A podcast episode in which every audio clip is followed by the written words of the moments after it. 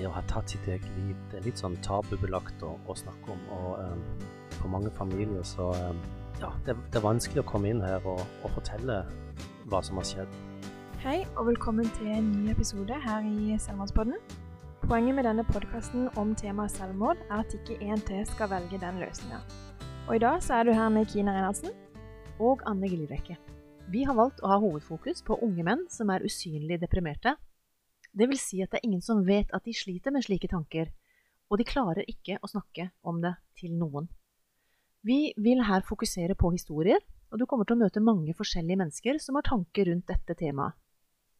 Og i dagens episode så skal vi snakke med Jølstad begravelsesbyrå.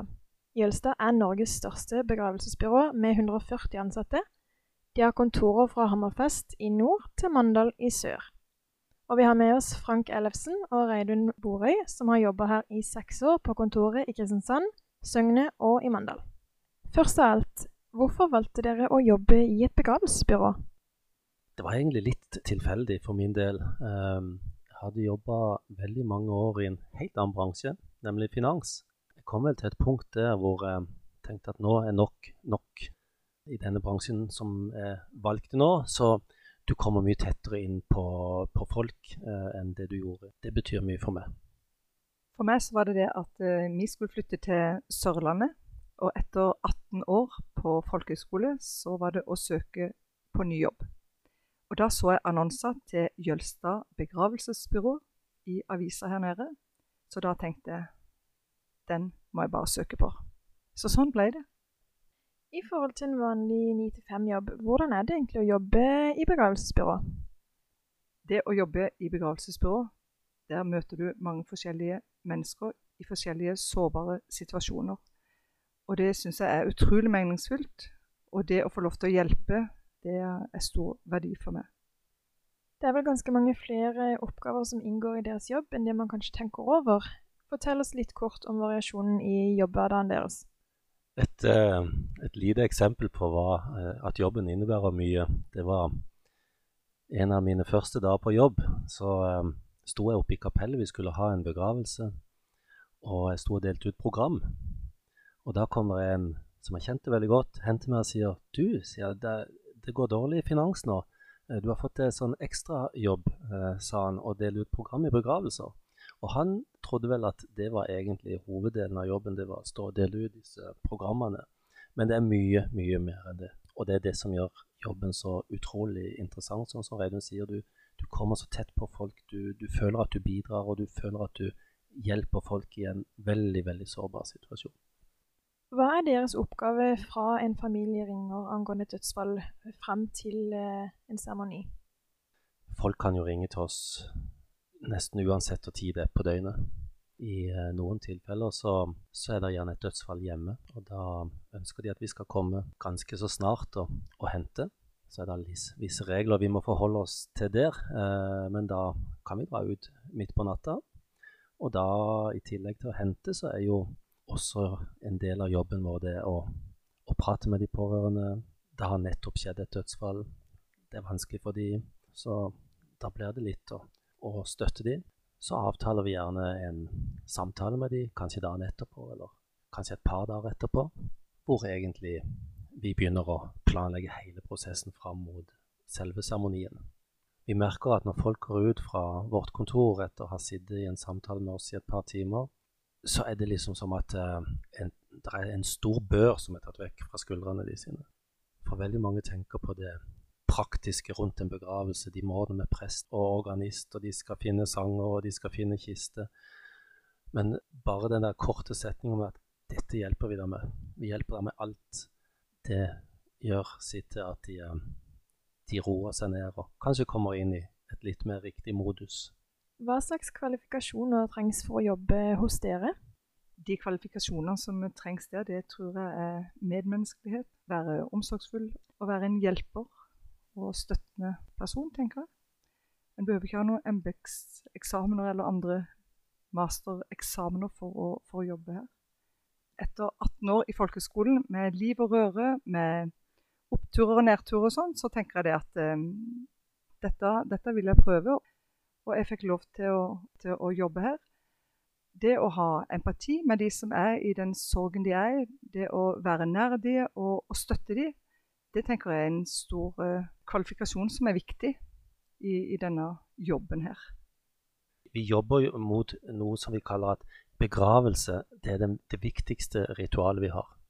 Det er det som gjør at denne jobben er spennende. Du, du føler virkelig at når du sitter med familien og du føler virkelig at du bidrar, du føler virkelig at du hjelper. For de er i en utrolig sårbar situasjon, de aller fleste.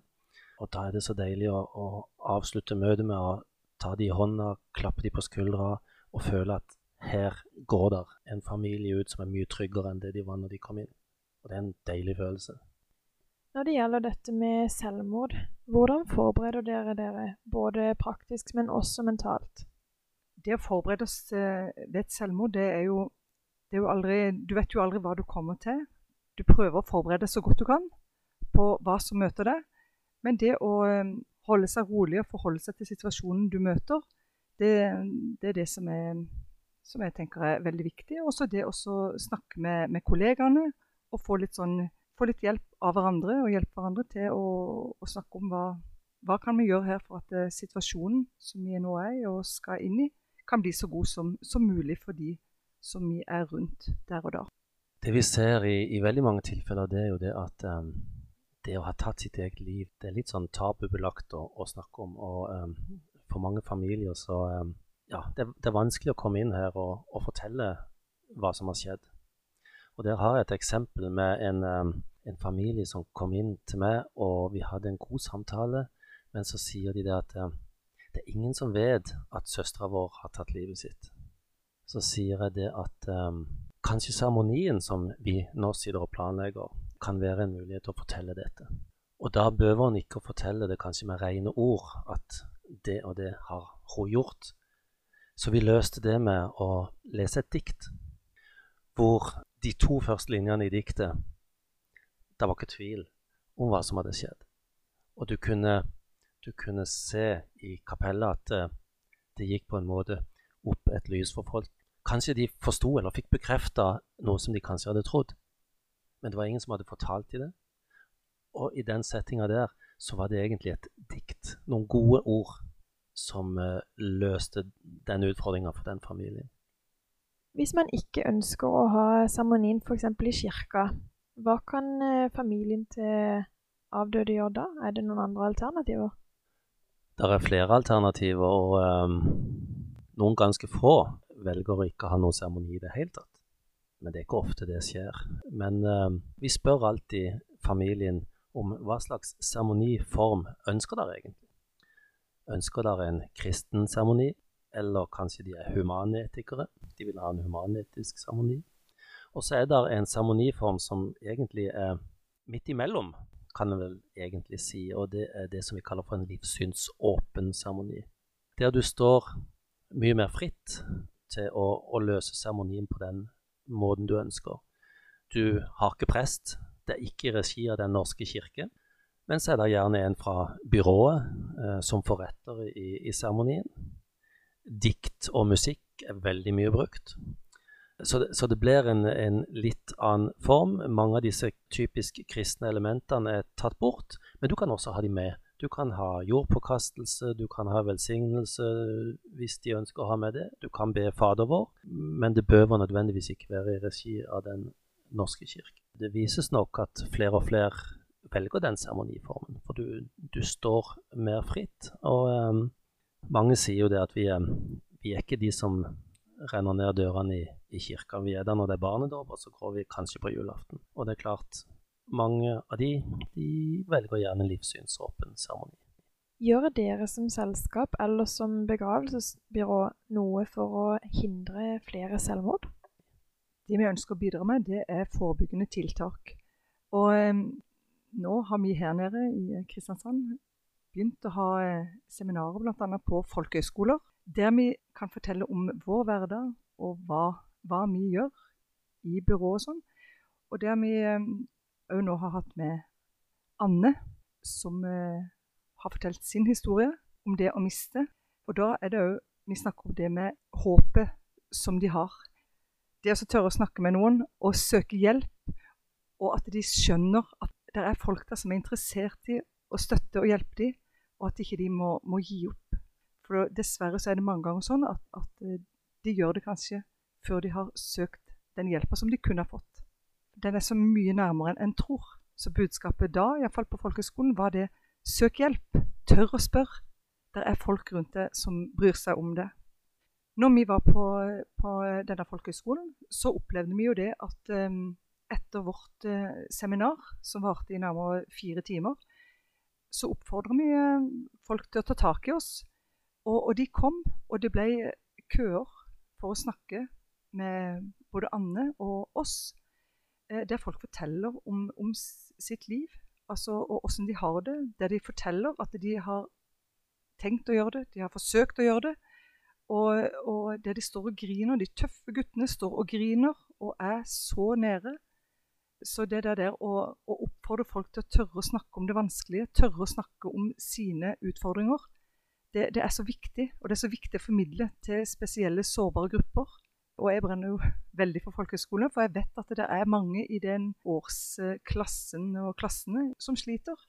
Og da oppfordrer de til å søke hjelp i tide. Et veldig godt eksempel fra, fra, det seminaret vi hadde på folkehøyskolen. For det første så var det altså ungdom på 16-17 år som satt og var med både på gruppearbeid og satt og lytta og stilte spørsmål i fire timer om døden. Og det er jo det som eh, egentlig også er er noe av jobben vår. og Det er liksom å få folk til å sette ord på, på døden. En episode jeg aldri glemmer fra den folkehøgskolen, det var at det kom inn en, en, gutt. Han var nok en av de største der. Han eh, hadde collegegenser, sånn hettegenser. Han hadde hetta godt over hodet. Du kunne nesten ikke se ansiktet hans. Og eh, du så etter hvert som han ble engasjert, han var engasjert i gruppearbeidet, og så kom han fram, og så skulle han presentere gruppearbeidet. Da begynte det å nærme seg slutten av, av, av seminaret, og da var hetta tatt av. Da turte han å åpne opp, og så viste det seg at han hadde faktisk en kamerat, bestekameraten hans hadde tatt sitt eget liv. Han var 16 år. Men i løpet av de fire timene hvor vi våga å snakke om døden, og de våga å snakke om døden, så åpner han opp på en måte, og i form av at han kom ut av hetta si. Ja, jeg syns det er et sånn godt bilde. Og Bare en bitte liten ting til når vi prater forebygging. Det er jo um, Vi har flere ganger i året så har vi konfirmantundervisning. Hvor vi har samtaler med konfirmantgrupper fra de forskjellige menighetene. Uh, vi viser de rundt på kapellet. Ofte kommer vi inn på dette med, med selvmord. Og liksom konklusjonen og, og, det vi sier til de der, er alltid, alltid med to streker under alltid en mulighet. Alltid en mulighet. Så det er lys en eller annen plass i enden av denne tunnelen uansett. Det er vårt bidrag til forebygginga. Det er jo det vi tror her i podden også, at det finnes alltid en mulighet og en løsning. Og at det er utrolig mange flere som ønsker å hjelpe enn det man kanskje ser når man er på den mørke plassen. da. Hvordan tar dere vare på hverandre etter eh, tragiske dødsfall? Måten vi tar vare på hverandre her på kontoret etter et sånn tragisk dødsfall, det er at vi snakker med hverandre. Går gjennom hva er, det, hva er det vi har vært med på? Hva er det vi har opplevd? Hva har vi sett? Hva gjorde det med oss? Hvor var det vanskeligste? Og på den måten uh, hjelpe hverandre med å, å, å, snakke sammen. Og hjelpe hverandre å, å løfte hverandre i, i, det som vi står i akkurat der og da. Hva vil dere si er det vanskeligste med denne jobben? Det vanskeligste Det er i hvert fall ikke det folk tror. Det var en kamerat som spurte meg når jeg begynte i byrået her, om, eh, om vi, eh, vi, så døde mennesker. så sa det gjør vi jo. Det, det ligger jo litt i, i, hva vi skal drive med. Men det vanskeligste, eller det mest krevende, det er jo dialogen med, med de pårørende. Det å, å stelle et uh, menneske som er død, det får vi til. Men det å prate med disse menneskene som kommer inn med, med helt forskjellig bakgrunn. Det er så mange forskjellige varianter, det er så mange situasjoner du skal takle. Så jeg vil ikke si det er den vanskeligste delen av jobben, men det er den som krever mest av oss. Men uh, vi våger vel å tro at vi er godt rusta. Og uh, vi er jo tro mot våre verdier. Vi skal inneha mot og ikke minst empati. Og så skal det jo selvfølgelig være kvalitet i alt vi foretar oss. Alt fra vi står og ønsker familien velkommen, til de går ut av døra og til seremonien er ferdig, hvor de minste, minste detaljene som, som, vi må huske, som kunden aldri hadde tenkt på, bare det å legge papirlommetørklær på første rad der familien skal sitte under seremonien. Jeg tenker på noe av det vanskelige med jobben. Det er det å se folk som har det så vondt. Å se at de lider og kjemper så utrolig med det kjære de har mista. Og da kjenner jeg jeg, jeg griner mange ganger innvendig. Det er så vondt å se, men det er da jeg kjenner på det. På hvilken måte kan jeg være der? På hvilken måte kan jeg støtte og hjelpe de? På hvilken måte kan jeg bygge gode relasjoner til de, der de føler seg ivaretatt fra første telefon til seremoni og den biten der er over. Så det kjenner jeg på en sånn eh, Det er godt å stå i det, men det er veldig vanskelig mange ganger også å se åssen de lider. Det er da jeg tenker at eh, da får de mobilnummeret i første, første, møte, der de skal få lov til å kjenne på at eh, de kan bare ringe når som helst til meg og de andre kollegaene mine. Er det noe de er usikre på, ring. Ta kontakt. Er det kveld? Er det lørdag? Bare ring. Og, og kjenne på at en kan bygge den gode relasjonen til hverandre. Der vi kan trygge dem og få dem til å kjenne på at uh, de blir ivaretatt. Og de blir hegna om. Og vi står alltid ved siden av dem. Det er godt midt i det vanskelige og, og sårbare. Hvis en skal dele våre gjøremål inn i bolker, så, så tror vi nok kanskje at 1 av arbeidet vårt det handler om det praktiske rundt den døde. Og da er det 99% igjen som handler om de sørgende, om familien. Og det, det, er jo de vi skal ta vare på. Og det er jo det som gjør denne jobben så fantastisk, at du, du kan få lov å, å, holde den sørgende familien i hånda gjennom en hel prosess, helt fra de kommer og banker på døra, til kista er senka i jorda.